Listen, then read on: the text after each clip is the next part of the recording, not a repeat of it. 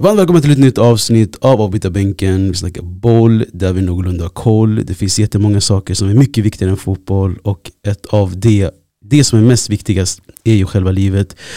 Uh, låt oss börja där. Över 150 döda i Indonesien eh, efter en fotbollsmatch och över 300 skadade Eh, och siffrorna stiger hela tiden. Eh, kort, det som hade hänt var att eh, Arema FC, tror jag de heter, Arema FC eh, förlorade mot eh, deras bittra rivaler och de har aldrig förlorat hemma på 23 år. Aldrig har de förlorat hemma på 23 år.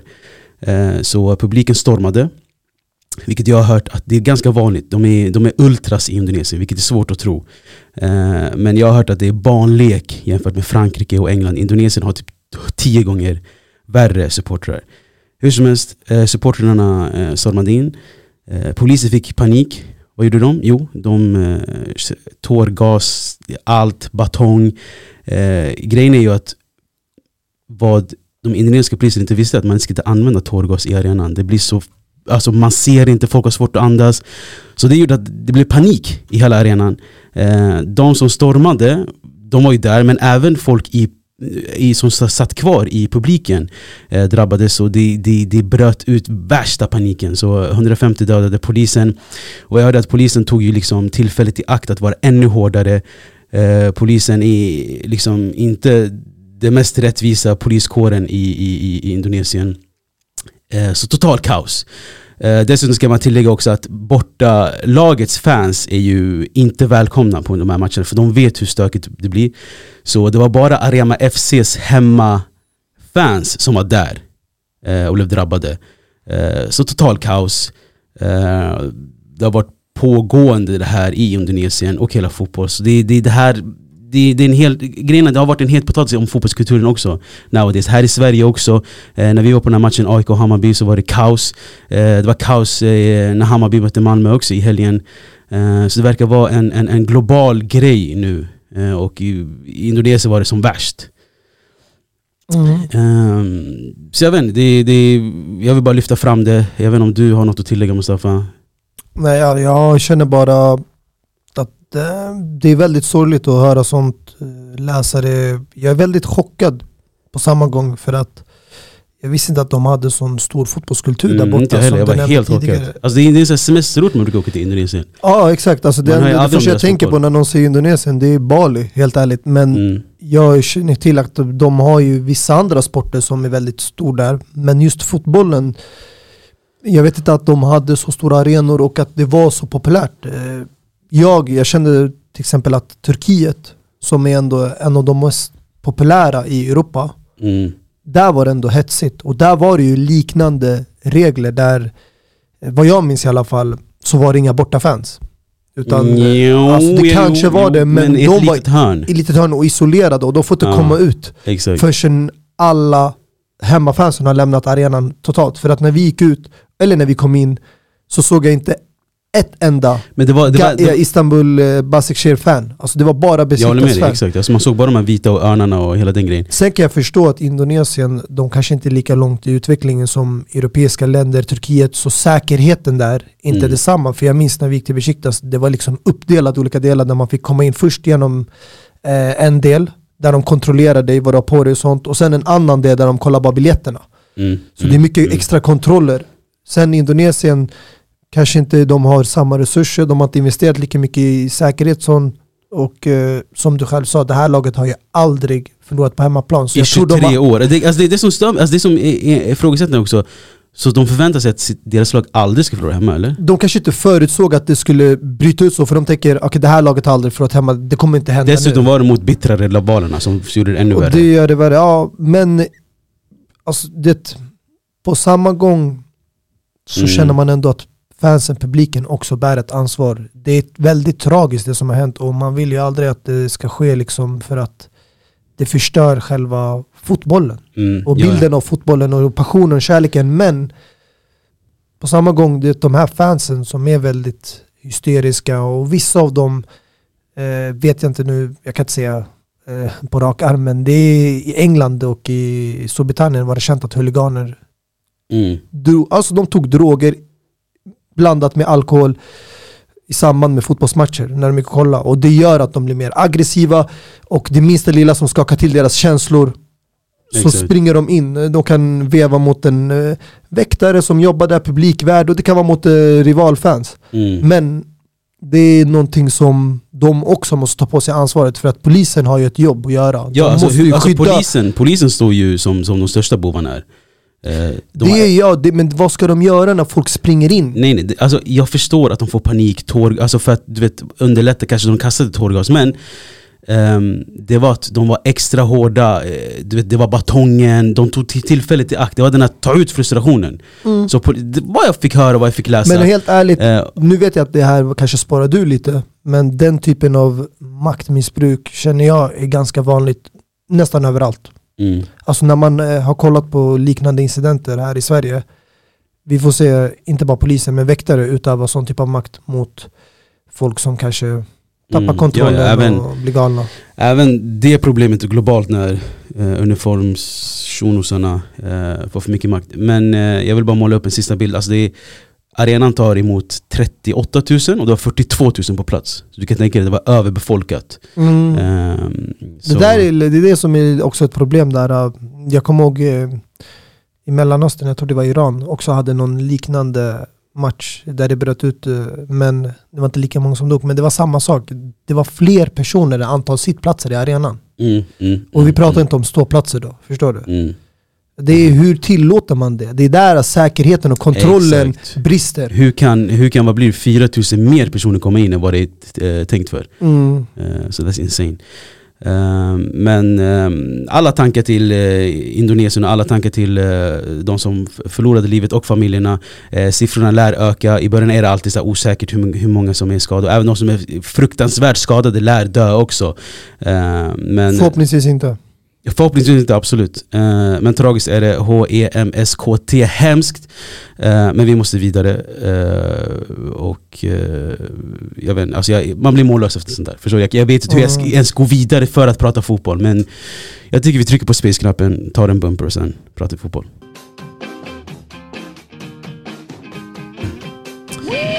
Två hattricks, två matchbollar medtagna hem och United får i sig i tvåan. De som vet, de vet. Bara massa blod är spilt i Etihad. Slakt av huvudslaktaren Erik Brandt Halaland.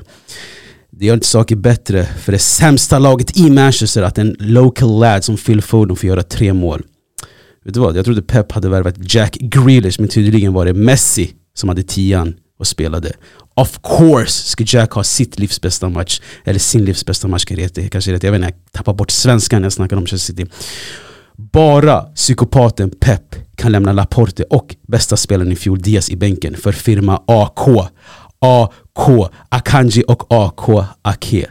6-3. Jag tycker så här. Låt oss bara slakta just det här segmentet Mm. lika mycket som Haaland och Foden slaktade United. Bara wish wash snabbt, du, du får säga det du vill säga och sen går vi vidare till, till riktiga fotboll. För det här är det var inte ens fotboll vi kollade på, det, det var violence. Det var, det var, du vet, om du hade skrivit den här på youtube, då hade det stått eh, bekräfta din ålder innan du trycker på det här. Ehm, så att eh, minderåriga fick inte kolla på den här matchen så att säga. Mm. Eh, obviously, alltså jag, jag säger så här. Jag, eh, jag, jag ser den där som ett professionellt arbete vi gör i podden. Eh, men jag är inte, vi, vi är inte Gary Neville, vi är inte Jack, eh, vad heter de, eh, Carragher. Så obviously, jag, jag, jag är bias, jag är jätteobjektiv. Eller subjektiv kanske det heter. När man inte Alltså- håller med någon. Eh, men jag stängde av matchen, jag, jag, jag vet inte. Du, säg, säg vad du vill säga om det här. Jag tycker det faktiskt, helt ärligt, det är inte så illa så som det ser ut. Alltså folk har tagit eh, de här senaste vinsterna och formen som United har haft tidigare för givet. Absolut, Ten Hag har ju fått lite ordning på United eh, efter den där svaga inledningen där de förlorade mot bland annat eh, Brighton och Brentford. Men United är fortfarande i en transition där man har fått in en hel del nya spelare en helt ny tränare med en helt ny filosofi, försöker implementera sitt spel och få igång spelarna och det har bara gått några matcher och eh, ni mötte, jag förstår att startelvan var inte den starkaste men ni mötte, ni mötte Premier Leagues bästa lag. Och eh, det är inget fel att förlora mot dem. Den här matchen kommer vara så gott som bortglömd om 10-20 omgångar när United har vänt på steken och Ten Hag har fått igång det här laget. Och faktum är att det är stora siffror man tänker på men i slutändan är det bara tre förlorade poäng. Och om ni nu lyckas på något sätt, vi säger, avsluta den här säsongen på en topp 4-plats. Ingen kommer komma ihåg den här matchen. Folk kommer glömma bort det. För att United kommer i slutändan ha uppnått sitt mål, vilket Mm. är kvalet Champions League. Så grejen är jag, jag förstår att det är en stor smäll och det kan vara påfrestande för spelarna och tränarna för att det är väldigt alltså mycket känslor inblandade. Det är derby och det är rivalerna och det är Premier Leagues bästa lag, man vill visa vad man går för och alla de där känslorna och det tar på en mycket psykiskt mentalt. Men det är viktigt för spelarna att rycka upp sig efter det här för att det Mm, här alltså, är bara en match. mm, Man ska inte ta det för ljud och som du sa själv United, ja ni vann mot Liverpool och Arsenal. Men var det övertygande vinster? Var det dominans? Det var inte det. Sättet som de spelade på var taktiskt och Ten Hag håller på och försöker liksom få upp moralen och självförtroendet i det här laget. Och det Obviously. kommer ta Obviously. tid. Men ja, du snackar från ett du vet, neutralt perspektiv. Nej, det handlar inte Nej, om nej, nej, neutralt. jag fattar. Och jag, jag försöker också, du vet, inte... Jag gjorde ett löfte med mig själv Mm. eh, när vi fick i oss i Tottenham för, var det förra året eller något sånt där. Att- 6-1. Aj, okej. Sex exakt. eller fem ett eller vad det var. Jag frågar inte om det resultatet. Tack. Men, Men eh, med vi såg den matchen tillsammans också. Men den however, massakern skedde på hemmaplan. Ja, ja vi, vi, jag vill inte djupdyka dit, förstår du vad jag menar? 6-1 där, 6-3 här.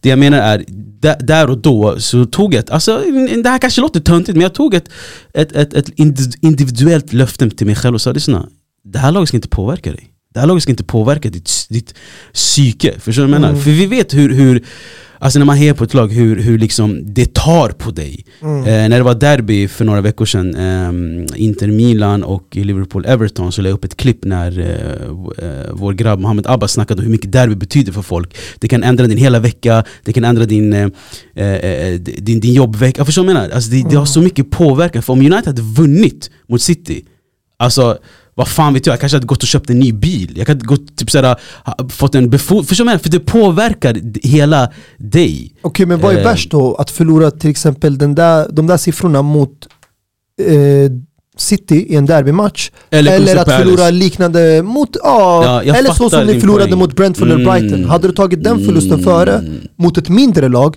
För det är egentligen... Obviously Brentford, obviously Nottingham Forest, Ja, obviously ja. För det här är, vår, det här är lillebror! Jo men det här What är... the fuck! Hur fan kan du fråga mig den här Alltså frågan? jag, jag ska, jag ska, anledningen varför jag känner på det här sättet, jag ska dra en snabb liten parallell, det är för att när jag tänker på till exempel eh, Sarris år med Chelsea, Mm. kommer du ihåg när vi åkte på en back-to-back? 4-0 mot Watford, minns du den? Och 6-0 mot City, eller var det Bournemouth? Det kanske var Bournemouth, förlåt.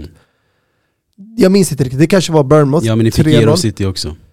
Ja, och Watford, den där säsongen vad jag minns var i alla fall Watford var 3-4-1, Mm. Bournemouth typ 3-0 och City 6-0. Mm. Alltså det där tog på mig så mycket för att det var inte förlusten, jag förstår nu jag tänker det är tre poäng, men det var skammen att förlora på det sättet, bli förnedrad på det där sättet och sen, Nej alltså nej, Alltså- nej, nej, du, du, du kan inte lägga dem i samma jag vet för det är liknelse. derby, Nej inte det, det är derby. Vi har Casemiro och Ronaldo i bänken. Men det där är tränarens val. du fattar? Men- vi har Casemiro Ronaldo men i kolla, bänken. kolla, det där jag tycker är Scott fel från Uniteds fans och resten av fansen, för det Nej är alltså, fel att hylla Ten Hag när han Mm. vinner Arsenal och Liverpool med de uppställningarna. Mm. Men sen, när han, för att Casemiro var inte starta de matcherna. Ronaldo var inte starta de matcherna. Mm. Låt oss vara ärliga.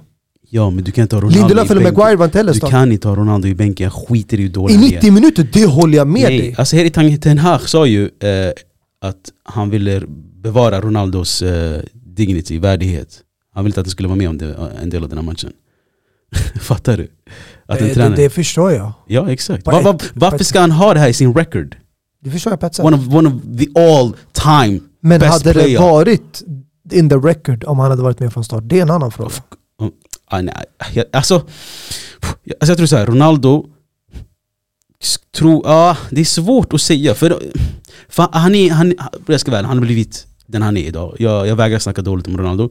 Men om det här var typ en mittfältare eller någon som kan styra och ställa lite, en Pirlo eller förstår? Ronaldo är där uppe, han kan inte påverka att bollen ska komma fram till honom lika mycket. Mm. Han är ingen spelare som kommer emot, kommer ner och möter, han är ingen tia, han är ingen... Förstår du vad jag menar? Så jag Men, tror eh, nog siffrorna, siffrorna kanske inte hade varit sex, men det hade varit en fyra kanske. Men det som stör mig, det är att oavsett om ni förlorar eller inte, så som United kämpade för att behålla Cristiano Ronaldo kvar i klubben, trots de erbjudanden han hade enligt hans agent, där han hade möjlighet även att gå till lag som är med i Champions League och andra toppklubbar i Europa utanför England, så gjorde de allt för att behålla honom. Det finns ju två sidor av myntet, alltså, ingen, kan ju, eh, ha, ha, ingen har råd att betala hans lön. Jo, men han kunde ha lämnat. United och Ten Hag gjorde det klart att de vill inte sälja honom. De vill inte släppa honom. De ser honom som en del av laget i Mm. framtiden och han kan bidra med väldigt mycket.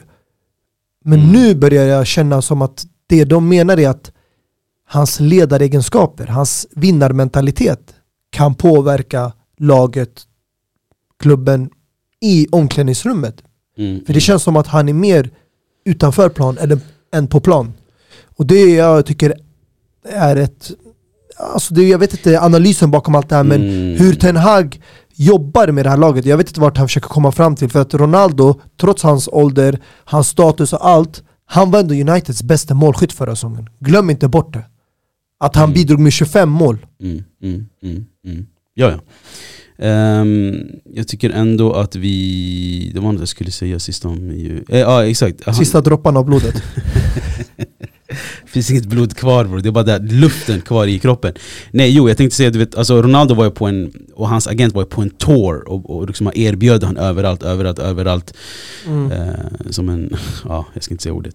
Men ehm, till slut, Dortmund var villiga att acceptera honom. Men Ja, de kommer ju inte betala hela hans lön. Nej, alltså de hade råd, men budet kom sent till dem och de hade redan värvat vem? Jo, Anthony Modest. Mm. Så Anthony Modest satte stopp för att Ronaldo skulle spela i Bundesliga. Alltså fattar du? Det hade varit intressant faktiskt. Alltså, eh, alltså Gelb mot Schwarz, förstår du vad jag menar? Svart och gult. Uff, jag tror fan han hade Mm. tagit hem ligan med dem. Mm. Han hade tagit tronen från Bayern München. Marco Roy skadefri. Ronaldo. Mm. Förstår du? Jude Bell, alltså nej! nej Hazard. Torgan, ta det lugnt. Men fattar du? Alltså det, är, det, det hade varit fint. Mm. Men however, eh, jag tycker ändå vi, vi måste lyfta fram hur ont det än gör. Och då hade ju Ehm, ja, tänkte säga. United hade ju blivit favoriter för Jude Bellingham om Ronaldo hade hamnat där. Det hade varit en swap swap eller? Ja, så det hade blivit lyssna nästa år. Mm. Du kommer till the Red Devils. Jag löser ett byte, jag löser så att eh, Dortmund får typ Exakt. ah, Fred i utbyte eller någonting. Så länge jag får A-star Barber varannan, varannan dag så att min fade är på topp. Förstår du vad jag menar? Nej men vi måste obviously lyfta fram eh, mm, så mycket det, det skär i mig men eh, la, eh, det bästa laget i England det bästa laget i Manchester. Som Roy King sa, det här är alltså det finns inget lag han har sett som är mer underhållande City, alltså de är så jävla underhållande. Nu om jag tar av mig eh, det röda, det lilla röda jag har, alla glasögon, alla tröjor och verkligen pratar, försöker prata neutralt, alltså det här är det bästa laget som, som, som man typ har sett Mm. eh, hur de spelar. Obviously det kanske var vi som var skitdåliga, vilket, men det är en kombination. Alltså det är, Men tycker inte det du är det helt är mm, alltså orättvist att man jämför två lag för att egentligen, vi kan inte ta hänsyn till historien, vi måste bortse från historien, men det är inte orättvist att jämföra två lag där ett lag har haft en och samma tränare i sex år medan ett lag har haft en tränare som bara kommit nyligen och han har fått bygga sitt lag från alltså längst ner, målvakten, fram till Mm. toppen. Varenda lilla spelare. Den, det är väldigt få spelare kvar i det där laget som Mm. fanns i City innan Guardiola anlände. Mm, mm, mm, De flesta är borta. Det är alla spelare tillhör Guardiola. Det är Guardiola köp nästan Mm. hela rubbet. Och det är självklart att de ska vara på en annan nivå. Ja, Ja, ja, ja, jag men, då, men, då, men då satsa på en tränare av alla de här sex de Jo, men nu när United hämtar Ten Hag, man kan inte jämföra några veckors Nej, utveckling, inte. inte, okej några månader, inte. jag ska inte överdriva men ändå Jag tycker det är orättvist att man ska förvänta sig att det ska vara en jämn match Jag Mm. förväntade mig att City på hemmaplan ska köra över det här United-laget Förlåt, även om Akanji och Ake spelar För att det inte, handlar inte om några spelare in och ut. När man har byggt ett lag i så många år och fått ett spel bland spelarna det rinner, alltså jag ska inte säga i blodet, men det rinner alltså i de här träningarna. De här övar på det här hela tiden. Mm, mm, När du har byggt upp ett lag som har en sån stark grund så kommer spelet finnas där oavsett om du gör några enstaka byten här och där. Mm, det såg vi bara på Håland. Håland kom in, en helt ny pusselbit. Han stormar in för att han kommer in i ett lag som har spelare som har varit ihop i flera år, en tränare som har varit där i flera år. Han behöver bara liksom surfa på vågen. Han behöver bara lägga upp den, förstår du? Och han är där. Mm, hans tredje hattrick. Mm. Och de här, jag, vet, jag vet inte om det han ser det, det, det eh, the producer la upp på vår Instagram. Men snabbaste spelarna att göra hattrick, äh, göra tre hattrick antal matcher de har spelat. Luis Suarez tog det här 71 matcher för att göra tre hattricks. Eh, Andy Cole 65 matcher, Fernando Torres 64, Ruud van Nistelrooy 59 och an, andra plats Michael Owen 48.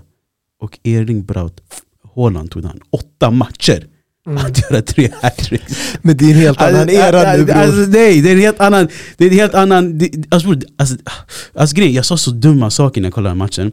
Som tur var jag inte som imorgon. Jag vet vad jag sa? Jag vet inte om jag ska säga det här men obviously det, är- det är på skämt. Men jag sa alltså den här shunon kan inte gå eh, ute på gator längre. Alltså folk kommer legit vilja döda honom, mörda honom. Mm. Alltså han har förstört lag, förstår du? Om han går runt i Manchester nu och om en psykopat eh, eh, United-fan ser honom Mm. Bro, det är en AK47 i hans pannben, förstår du vad jag menar? Det är obviously, nej nej, alltså det är, nej men jag, jag säger så här. Efter, jag, efter han har kommit upp till ålder 25, Nej, han måste lämna. Europa va? Han säger, Han kommer wanted i hela Europa, Champions League-lag, han kommer ta... ta. alltså, alltså, han säger aha, AK Akanji, AK Ake, du ska få en AK47 i din panna brorsan Frugan kommer ringa honom och bara älskling kan vi gå på semester i Paris? Han bara jag kan inte toucha Paris Han är Jag gjorde mord i PSG semifinalen förra året Mm, Gnabry var ju också lite wanted när han eh, mötte eh, Londonlagen va? Ja, och exakt. Mm. Arsenal och Tottenham, eller ja, Tot Arsenal var ju... Han, får- han får ju komma in med säkerhet Gamla- fortfarande när han kommer till London, hur som helst Ja, eh, Men eh, vad tycker vi om Phil Foden då? nej, jag, jag kan inte säga så mycket mer att tillägga på det han har gjort tidigare. Alltså han fortsätter i samma spår. Han är en fin spelare och jag förstår varför eh, Guardiola valde att hålla kvar i honom och aldrig låna ut honom. Och eh, sen har de ju sålt nu massa spelare som Gabriel Jesus och Sterling. Eh, det här är framtiden för City. Mm. Eh, Det är han. Men sen vem han kommer få spela med, det blir en stor fråga. För jag vet inte om Jackie Grealish är den här framtida spelaren. Nu, Jack Grealish var magnifik alltså, lämna Jo. han i fred, what the jo men alltså just den matchen, jag, jag, jag kollar ju på hela sortimentet, vad han har gjort här i mm, den ja, ja, ja, det, det, ljusblå tröjan. Ja men det är väl kul för honom att han får vara så här bra i... Absolut, derby. men jag, jag känner bara att eh, City har ett riktigt bra lag, men jag tror de skulle bli skakiga om de blev drabbade av eh, en eller två skador på nyckelspelare. För alltså bredden på truppen är inte så stor där uppe när du tänker efter. Det finns ingen backup till Haaland om inte du tänker på den här Alvarez. Som är, en, Som är eh, fin. som är fin men är en backup striker och sen har du Mahrez, Jack Grealish som inte har kommit upp i den här nivån, formen eh, som de har varit tidigare. Och de som är stjärnorna just nu i City är Phil Foden, eh, Kevin De Bruyne, Bernardo Silva och Haaland. Mm. Och drabbas någon av de här stor skada, jag skulle säga mer om det skulle hända Haaland eller Kevin De Bruyne, då kommer, eh, då kommer City skakas till lite. Men alltså Pep gör ju sån här psykopatvärvning också. Den här Jo. Joe, Joe Gomez från Anderlecht.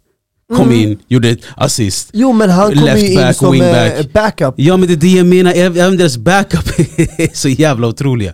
Jag menar bara alltså, när du kommer in i det här som du säger, när surfflowdet. Mm. Alla kan komma och försöka Alla kan bli bra, ja men det är det jag Mm. försöker säga till dig. Det Alltså, jag, det- jag vill inte ta ja. upp gamla tider men Nej, du vet, nej vi, ska, vi måste gå vidare, men jag menar alltså det här fundamentalet som byggs, mm, det tar flera år. det gör fel och det gör så mycket.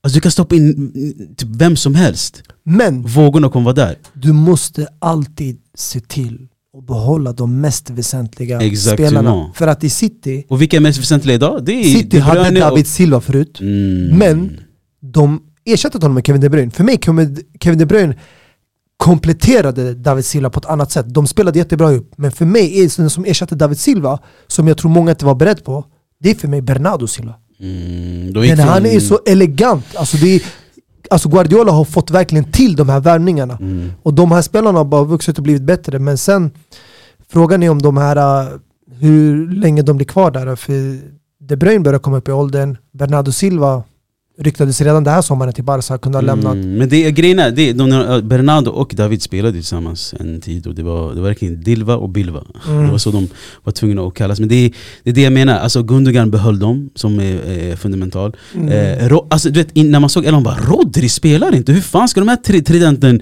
eh, eh, hålla i mittfältet? Men psykopat-Pep. När man har bollen i havet så oroar man sig aldrig. Mm, however, låt oss uh, gå vidare. Jag känner mig generös att jag snackat om den här matchen så här pass länge. Det spelades en, en otroligt fin match också i lördags.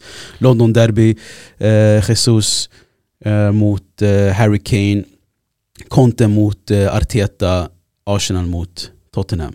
Mm, välförtjänt vinst. Bra spelat. Den hade allt, synd att det blev rött kort bara. Mm, jag tror alltså jag tror det är en väldigt omtalad diskussion det där. Och eh, jag eh, känner lite att det kan vara hårt. Men det kunde svänga åt båda hållen. Det kunde ha varit en icke-rött kort, men det blev rött kort. Eh, däremot, det är svårt för alltså domarna att ta de här besluten för att just i sådana här matcher som är så stora, derbymatcher, du vet, de här dombesluten påverkar matchen så mycket. Och eh, det är därför jag tror det är ännu jobbigare för domarna att ta sådana här tuffa dombeslut när det är stormatcher. För att eh, ja, de får ju helt enkelt alla ögon på sig. Och de vill ju helst, helst inte stå i centrum i en sån här match. Mm. Eh, om det är någonting så ska det vara liksom att laget vinner välförtjänt. Men jag tycker att när man kollar på helhetsmatchen så eh, var Arsenal välförtjänta vinnare. Mm. Tottenham var inte på tårna den här matchen. Eh, och, eh, kan man säga att faktor X Kulusevski Hugo Lloris tycker jag stod för en målvaktstavla andra målet. Eh, även om han släppte returen, när bollen kom tillbaka till honom så ska han mm. ta den där, men mm. den hamnade bara under hans arm. Jag tycker det där kan vara en anledning som Tottenham-fans kan skylla på till varför de tappade led. Ja, det målet var rörigt. Men eh, jag tror så här, så som du sa att om Ronaldo var med i United City hade nog resultatet inte varit så här. Lika mycket tror jag att om Dejan hade spelat den här matchen hade det inte varit Eh, tre, Absolut, tre, han har ju varit en av eh, de mest formstarka spelarna. Men jag känner ändå att när du har dina nyckelspelare, Harry Kane och sånt, så ska du kunna klara av jobbet. Jag mm. ser dem som mycket större förlust än eh, Kulusevski, även fast hans siffror kanske ser Ja men det är mycket skräp, det är mycket skräp i Tottenham. Det är den mest obrasilianska spelaren någonsin, Emerson Royal, som spelar där och har cementerat en plats. Ja, jag är väldigt chockad att han har vunnit Contis förtroende. För mm. att en sån spelartyp eh, brukar inte passa in i Contes men, men, spel. För ja, att men han, vem, vem ska du ha? Alltså, det, den, den positionen är så speciell. Jo men Conte har haft så många olika typer av spelare, men oftast, alltså jag vet inte nu på förhand, Emerson Royal är ju egentligen högerback. Så det borde egentligen vara till hans benefit för eh, Conte om han vill spela mer taktiskt. Mm, mm. Men eh, tidigare när han hade eh, Juventus eller när han hade eh, Inter så har han spelat Hakimi, han gillar ju oftast snabba eh, backar. Mm. Men eh, det har aldrig varit liksom deras starka sida att vara defensivt. Det har ju varit mest offensivt. Tills när du kollar på Chelsea också, Marcos Alonso och Victor Moses. Mm. De var ju mer bättre offensivt än defensivt mm, i Conte. Men låt oss, låt oss bara spendera någon minut eller två Granitxhaka, graniten. Mm. Alltså, minns du när, vi, alltså när han kastade kaptensbindeln, det du sa, mm. eh, vi gjorde ett fint klipp om du vet, när han gick ut och du, man hörde dig i bakgrunden. Eh, från det där. Han är en lagkapten och du får under ingen omständighet bete dig på det här sättet. Speciellt på planen, framför kameran, framför fans, framför motståndarlagen. För du visar bara vad är det här, alltså du, när du har på dig tröjan, det klubbmärket. Du representerar någonting. Och att du gör sådär framför andra lag, motståndare, framför dina egna fans, motståndarfans. Det visar vilken typ av klubb och vart den här klubben är på väg mot. Och det här, det går inte. Alltså, hade jag varit tränare i det här läget, Så Jag hade- du, man hörde dig i bakgrunden. Eh, från det där till det här. jag tycker fortfarande det är oacceptabelt. Ja, ja, men Alltså, jag skit i som- det där. Ja, skit, ja, det är oacceptabelt. Nej men jag Men som Arsenal-fan, Mm. nu är jag inte det. Han är ju inte kapten längre. Han är inte kapten längre, men okej han har blivit en startspelare, han har kommit tillbaka och vunnit deras förtroende. Men har de förlåtit honom? Det är det som är den stora frågan. Lyssna, jag, jag kommer ihåg, vad fan, men fan var det jag... eh, Vet du vad det här visar för mig? Det här visar klart och tydligt vilka klubbar som verkligen har äkta lojala fans. Nej, och vilka som jag, har jag, jag, jag, kan inte hålla med dig i det. Alltså, nej, nej, för lyssna. du kan inte bara följa med i ruschen när det går bra för ett lag så gillar du den här spelaren. Och så fort det går dåligt för ett lag och han är kanske en av de här spelarna som tog rött kort så ska du kritisera, basha och gå så långt som att lyssna vi vill inte ha det kvar i klubben. Alltså jag har aldrig, inte nu vad jag kommer ihåg i alla fall, men en spelare som jag har gillat tidigare eller nu om jag gått till den nivån att den här spelaren, jag vill aldrig mer se han bära Chelsea-tröjan. Lyssna, nej, där, det? där, håller, där kan jag inte hålla med dig. I I, I can't agree. För grejen, jag kommer ihåg när vi snackade om Gareth Bale och Zidane och hela den grejen, Gareth Bale, varför ska han spela? Men det jag gillade med Zidane, han var inte långsint. Han bara, är du i form? Kan du spela? Skit i allt, spela. Det är det här jag gillar också nu. Alltså, är Xhaka i form? Vill du ge laget? Spela. Varför ska man hålla saker där bakom? Aj, det han kastade kaptensbindeln i gräs som var, som var alltså bara hjärndött. Man gör inte så, det är värsta förolämpningen. Men om du, jag, jag tror på second chances, jag tror på third chances. Han speciellt, fick. Ja, speciellt i fotbollen, alltså om du här och nu eh, kan lägga allt bakom dig och du kan prestera, du är mer än välkommen. Mm. Ja, alltså för mig, lojalitet och hit och dit, uh, uh. Alltså lyssna, om du är här och nu och vi behöver dig, om du kan prestera, be my man. Vilket jag tycker Granit har gjort. Han har tagit med sig sin schweiziska eh, anda, eh, de vann ju mot Spanien också tror jag. Eh, Men känner du inte att det är lite typ av hyckleri? Nej, det, för vet du varför? För vet du varför jag respekterar Granit Xhaka? Han blev erbjuden att vara kapten av Mikael Arteta, han sa nej, jag vill inte ha kaptensbindeln. Gärna, jag förtjänar inte den. Låt mig bara spela utan press, låt mig vara eh, eh, Xhaka i mittfältet, nummer 34 Låt mig hantera det, jag vill inte ha någonting som spänner åt min vänster arm. Ge den till Martin.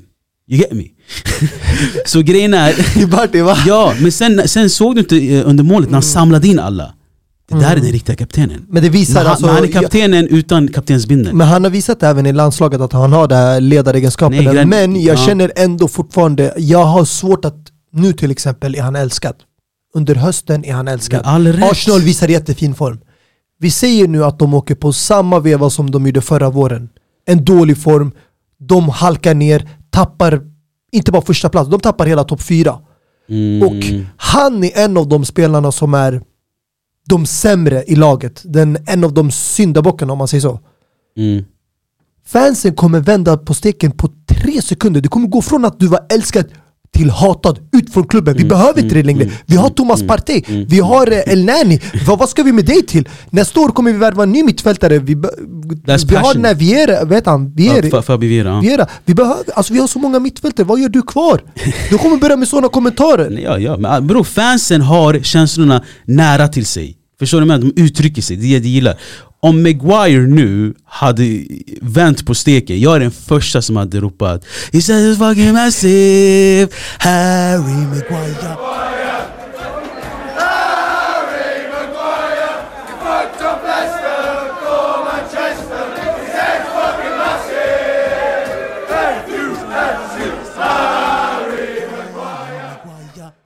Här, förstår du vad jag menar? Så jag menar, man ska inte vara långsiktig i fotboll, enligt mig. Men jag förstår din punkt också. Hur som helst, låt oss komma in i andra ligor innan dess. Eh, ligan håller på att forma sig, eh, Premier League. Eh, och Arsenal ligger etta med 21 poäng, och, 21 poäng och City strax bakom 20 poäng. Eh, just nu har ju liksom Arsenal och City blivit det nya City-Liverpool. Man ser fram emot den här matchen alltså. Mm. Art, eh, Pep Guardiola mot sin elev Arteta, eh, it's gonna be fun. Eh, Värt att nämna ändå också Liverpool, Liverpool, Trossard, Brighton. hattrick. Det sjuka är ju att eh, Liverpool som börjar komma lite tillbaka, eh, yani halvt, men nu börjar folk verkligen inse, för att när jag sa, nämnde tidigare, väsentliga spelare och när man bygger det här fundamentala, att du kan bara slussa in spelare och det går bra för laget. Liverpool förlorade, tappade den här fundamentala grunden när de sålde Sadio Mané. Det är Mm, därför mm. det svänger Alltså, så nej, som det, det, gör nu. det där är för Jag enkelt lovar- svar. Det är Nej, men jag, jag kan säga det så här. hade Liverpool valt att sälja eh, Diego Jota vi säger istället, Mm, eller aldrig hämtat in Luis Diaz, mm, eller sålt, eh, vi säger i mittfältet, eh, Naby Keita istället för Fabinho eller Henderson som jag anser idag är fundamentala. mm, mm, Du hade mm. inte sett den här förändringen. För att den spelare som kommer in sen hade slussats in och åkt på den här vågen med de här. Men Liverpool tappade mycket och det är inte bara på plan jag pratar om men även utanför plan, mentalitet, karaktär, kemin. Alltså Sadio Mané tog med sig mycket Nej, i alltså, bagaget när han jo. lämnade den här klubben. Ah, nej, jag, ah, jo men det är för enkelt svar att säga. Det är inte enkelt Jo, svar. jo. För mig, och jag skiter i vad andra säger, Sadio Mané har varit Liverpools bästa spelare. Ja. Sen dagen han kom dit, jag skiter Jag om bara Mo Salah har vunnit eh, Mm. skytteligan. Sadio Mané var den som verkligen fick det här laget att hålla ihop. För, nej, för, för, för För. Salah är en egoist. Det är faktum. Mm, Salah, Salah har bevisat att han, är, att han är en av de bästa spelarna i... Ja, det är inte Liverpool fråga om att han har varit en av de bästa men Nej men jag menar bara, alltså, nej, Mané, hade inte, Ma- Mané var inte klistret. Jag säger bara så här. spelare har blivit exposed. Nej, Trent jag, har blivit nej exposed. jag tänker inte köpa det där. Det där är också för hårt. Bara för att en spelare är inte Trent- lika bra defensivt, ta inte ifrån honom för allt han har uppnått. En spelare som lyckas vinna Champions League och Premier League är inte en dålig spelare bara för att han har en dålig form. Jag- Marcelo var känd bara för sin offensiva fas. Mm, för att han hade Defensivt hade han ingenting att erbjuda. Ja, ja. Sergio Ramos, varför jag hyllar honom så mycket, för han spelade i princip mittback, vänsterback. Mm, Så mm. Trent Alexander-Arnold i all ära, han kanske inte är Englands bästa högerback, men han är en världsklass högerback. Då ska han inte kallas för back, han ska bara kallas för höger. Han är ingen högerback. Är vad, vidrig, kallade du. Marcelo vänster? Marcelo var en vänster. Kalla inte så. han back, det är det enda jag Ja, säger. However, let's, let's move on. Jag förstår det. Ja. Ehm, någon som eh, satt på flyget och kollade på matchen, vet du vem det var? José Mourinho. Mm. eh, när de tog sig an eh, Inter. Salvatore Foti fick ju eh, ta hand om det laget. Eh, Han var ju avstängd. Exakt, alltså, han- alltså han är så jävla skön Mourinho. Han, han la ju upp sin story i Instagram när han kollar på matchen Mm. från sitt flyg. Man ser fötterna bara sådär på läderstolarna. Han vill Alltså, inte ens this vara där uppe i arenan och Alltså kolla this va? guy, alltså förstår du vad jag menar? Alltså, jag tror inte han fick vara där kanske. Läktaren, jag vet inte. Nej. Är det så pass? Nej jag vet fan, nej nej, såklart inte. Men jag menar bara, men han var ju ute sen och firade med folk och sen här grejer. Alltså han är så local, José Mourinho. Mm. Eh, 2-1 eh, blev det till eh, Roma, Paolo Dybala, vilket jävla mål han fick göra. Och Mm. mot Inter också som var nära att snuva honom, gör det mot honom. Ehm, och sen hade väl en Di Marco en fin vecka, eh, nätade väl för Italien och nätade nu i, eh, mot eh, Roma. Men sen så kul att eh, några United-spelare får ha kul. Eh, en av de bästa mittbackarna, jag driver. Men Chris, Mike, Smalling eh, avgjorde matchen med ett fint nickmål. Och jag vill ändå landa i, alltså obviously, vi har snackat mycket om Roma men jag vill ändå landa i Simone Inzaghi eh, och inte hans dagar räknade nu. Ja, om du frågar mig så borde de ha varit alltså räknade redan sen innan den här äh, förlusten. Men eh, nu känns det som att han väl hänger mer eller mindre på en livlina. Och eh, om inte han vänder på den här formen ganska fort så kommer det förmodligen sluta illa för honom. Jag tycker däremot eh, Roma ska också få beröm för sin insats. De höll sig kvar i matchen fast de hamnade i underläge på bortaplan. Eh, Återhämtade Mm. sig ganska fort eh, och eh, spelade till en viss del bra match. De kan, det är svårt att dominera sådana här bortamatcher, speciellt när du inte har lika mycket kvalitet i laget. Men, Men- Simone Inzaghi, han vet ju att han måste göra bättre med det här laget. Och han kan ju skylla att Lukaku är fortfarande borta från skada, Mm. som anses nog av de flesta deras största värvning den här sommaren. Eh, trots att han är på lån. Exakt. Men eh, vad tänkte jag på? Jo, alltså Inter var inte dåliga. Nej, det De, var de de fick ett avblåsmål av Dzeko, eh, Aslani var, var, var jättenära på att göra mål. Ja, men man Eh, pratar ju alltid om det här nästan och kanske och nära. Obviously. Men nära skjuter ingen hare. Det, den kritiken kommer komma mot ett sånt här lag som kanske dominerar en match, eller är väldigt bra. Det är effektiviteten. Mm. Och just nu, de är inte effektiva. Nej, exakt. Alltså, ja, man, kan, förlust- man kan se nära och nära hela tiden. Och, Den här förlusten är kanske lite mer acceptabel för det är Roma, mm, men innan landslagsuppehållet när man förlorade mot Udinese, mm, det där är lite mer en catchy refräng om man säger så. Förstår du vad jag menar? Den fångar ögonen mer. ja, Och det är, det är det som är så synd, det är att i Italien, när du förlorar mot ett sånt här lag, Mm. är det okej om laget ligger uppe i toppen, 1, 2, 3 som Udinese gör? För Exakt. att det anses att det här laget är formstarkt. Men i England har ett lag som Brighton som ligger på tredje, fjärde plats. Det är fortfarande inte acceptabelt att förlora med Mm. dem. Bara för att de är formstarka. Alltså grejen, det blir inte så farligt än för vi har inte kommit upp i tvåsiffriga matcher. Eh, Inter ligger totalt åtta poäng bakom Napoli. Eh, och Roma ligger fyra, så det är fyra poäng bakom eh, Napoli. Så jag menar, de ligger på nionde plats men det är åtta poäng. Alltså om de lyckas vända på det, det, det, det är inte helt kört. Det, är det menar. är absolut inte Det är- kört. Jag ser inte, men jag menar, ligan börjar forma sig när du kommer upp i 12, 13, 14. Men sen måste du 15 också kolla på vilka lag som är det som håller fästet Mm. i toppen. Vi Mm. alla vet Napoli, med all ära hur bra de är. Vad heter han? Min broder. Kvarchacelia Exakt. har ju tränat på det fan, uttalet. vilken fin spelare Mm. alltså. Hur kunde ingen Number 77. hitta och ta honom innan Napoli? Det förstår jag inte. Nej. Speciellt Chelsea, men skitsamma. Mm, mm. Fin spelare, men Napoli har en tendens att halka till. Ja, men jag, Ordentligt. ja, ja, men jag, jag, jag tror this is, this is different. För det här är, det finns ingen tridente. Det här är grabbar, ha kul bara. Du Ingen menar press. att det är ingen press? Som när det var Insigne, det- Mertens, det var så här. Kör bara! Det är det jag menar. Gör din grej Kvartskarhelia. Du får nog ta en hemläxa på det här uttalet. Men det jag menar är, eh, det finns inte heller Lavezzi, Cavani och hela den grejen. Förstår du vad jag menar? Det finns ingen Kalidou där bak. Grabbar, låt oss, låt oss bara spela och ta en match i taget. Det, det, det känns som att de gör hela tiden, en match i taget. Ja, ja, ja, jag håller med dig på den fronten. Ja. Jag tror att just Så att alltså- de har tappat så många nyckelspelare som Mm. Koulibaly, Fabian Ruiz, Insigne. Jag tror det sätter Mm. mindre press på laget, vilket Mm. är bra. Exakt. Eh, och Alltså grejen är, Inters eh, match, de möter ju Barcelona obviously eh, nu i, i, i veckan för Champions League. Eh, och sen Sassuolo och sen Barca igen. Eh, så de här tre matcherna är ah, fundamentala. För jag tror grejerna om ligan eh, du vet, rinner ut sanden så måste väl ändå göra, de göra sig någorlunda bra i Champions League. Ja. Båda kan inte gå, gå eh, åt skogen.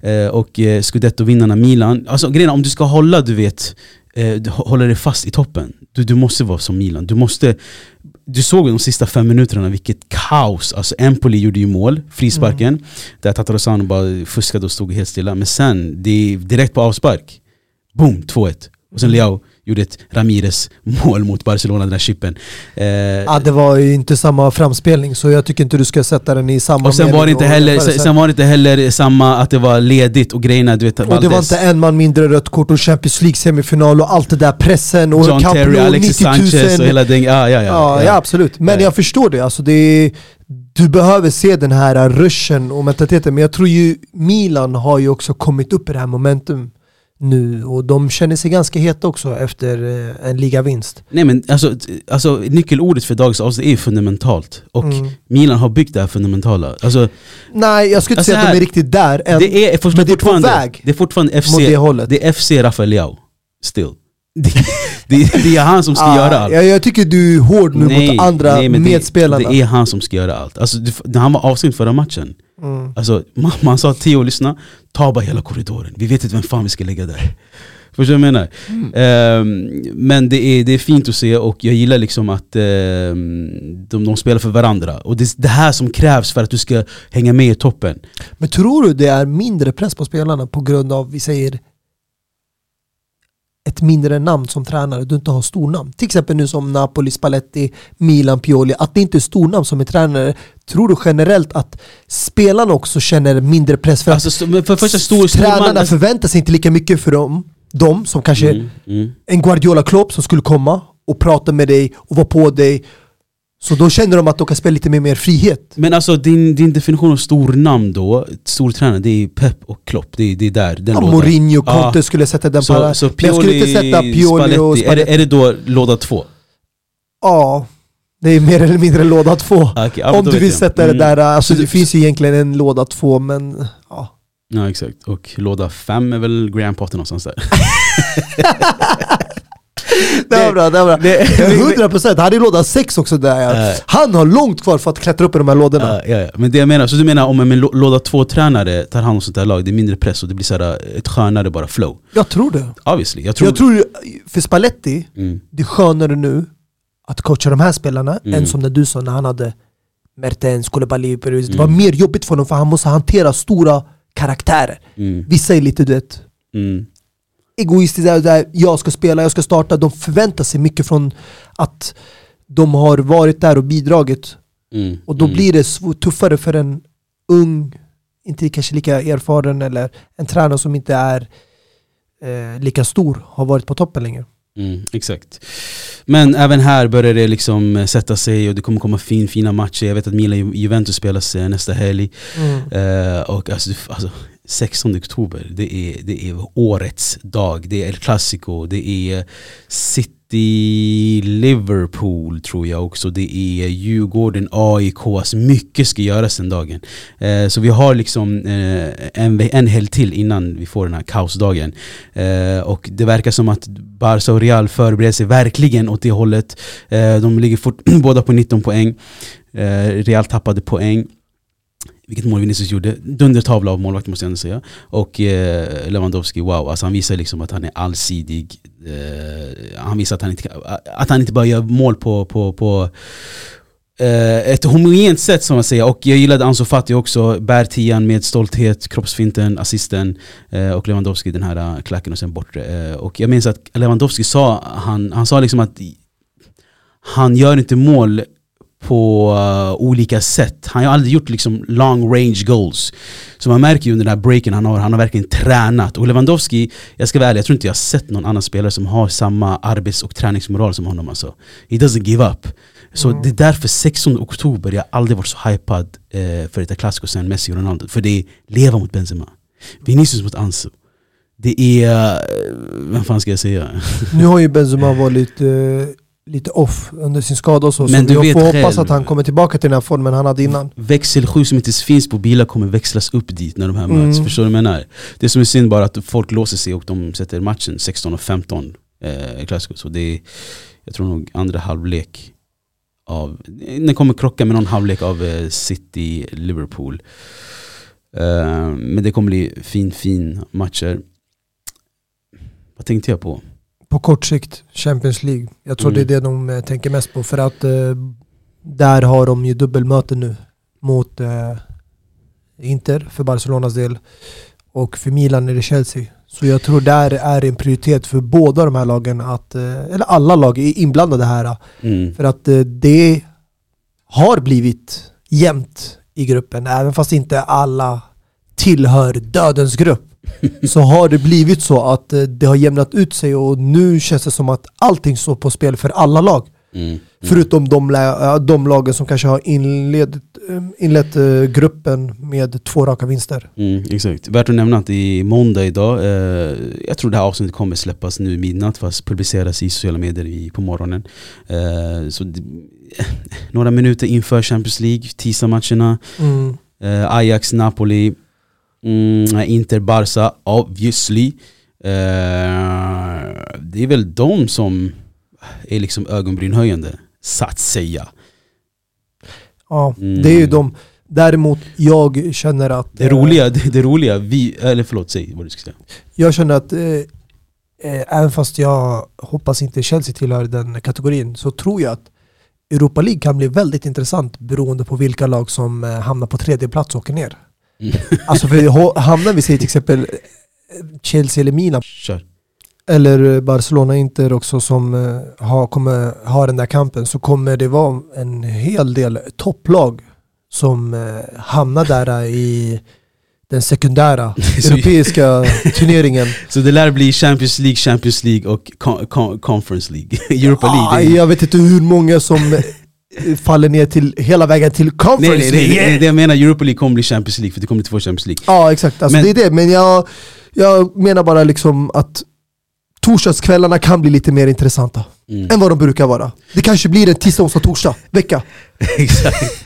Fan, vi får vara fredag ledigt alltså. Sen helgen blir det rush igen. Och sen är det VM. Fan! Det, det är inte bara en vad det sjuka är? Mm. För sen har du lördag, söndag och sen har du den här uh, Monday night football. Och det är alltid en match som spelas på Det är det kvällen. jag menar alltså. Den ska börja 20.00, det är en timme Och studio, nu för och är alltid tiden, lag som spelar Champions League på tisdagar får ju alltid spela på fredagar för att de ska få extra Mm. vila. Så det är, kan bli en sju dagar i sträck. Så du menar våra, så du menar alltså, Alltså vi kommer sitta där med ja, telefonen, datan, skärmen, tvn. Alltså det kommer vara några skärmar här och där. sorry if you're married Ja. boys. Elkostnaden kommer vara hyr, eller dyr Mm, ja. oktober månad.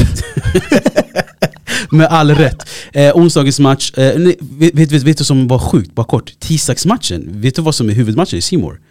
Aha, vi trodde det skulle vara Inter Bayern. Nej, det är Liverpool Rangers. Hur sjuka är inte Simor och svenska folket? Aha, de flesta eh, svenska fansen i England är Liverpool-fans. I don't give a F. Ge mig Inter Bayern som huvudmatch, men det är helt sjukt. Alltså när du säger huvudmatch, de har Alltså, ju flera det, kanaler. Jag vet, men det studion kommer behandla liksom eh, Mm. Liverpool Ja Rangers. det är ju det är en skam för Ja, fotbollen. Det är sjukt. Det är för att Liverpool är det, du vet, You Never Walk Alone och Glenn Hysén. Alltså, Vilken, va? vilken, ja, nej, det, det där köper jag inte. However, mittwoch, onsdags, Chelsea-Milan som vi kommer se ihop med dig och Ayman. Ja, jag vet, har väl inte, mötts på... jag vet inte om vi kommer just se den matchen ihop, men eh, förmodligen borta matchen. Jag måste ju se, jag måste ju planera där. Du som har påpekat det bland annat eh, med andra vänner också. Jag måste se en match med A-laget, the A-team, och en match med the B-team. Nej nej, den här ska, ska ses. Den här, den här ska...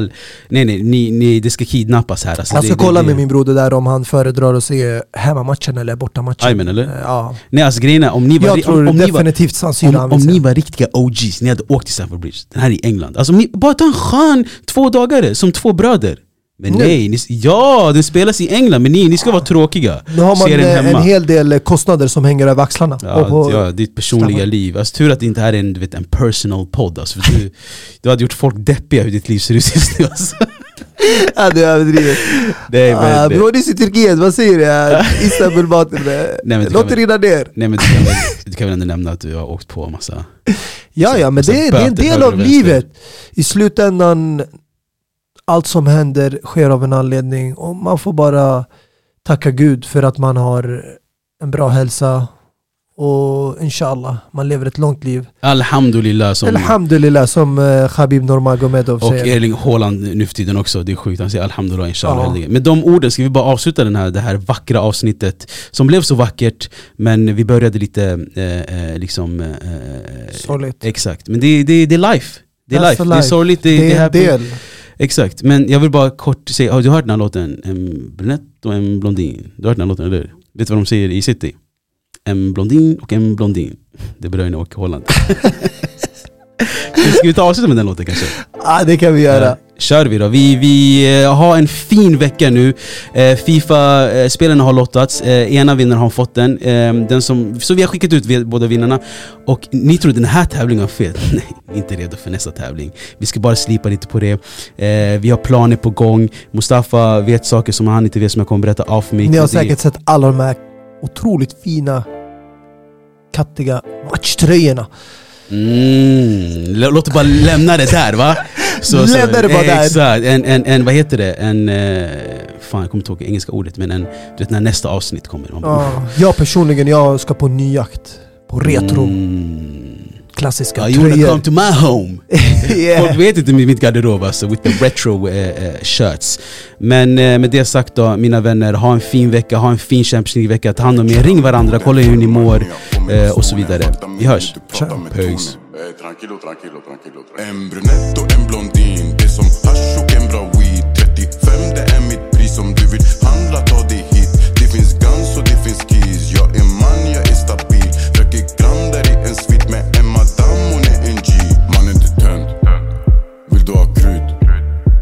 Gadollen är på mig i väskan när Benim går ut. De frågade vem. De frågade hur. Kommer aldrig att sjunga till Aina, jag knullar en snut. Vill du handla några kiss eller en bricka kokaina? Gillar festa i Dior men gillar skjuta i Adidas. Och vi kommer till din gård, vi gillar prata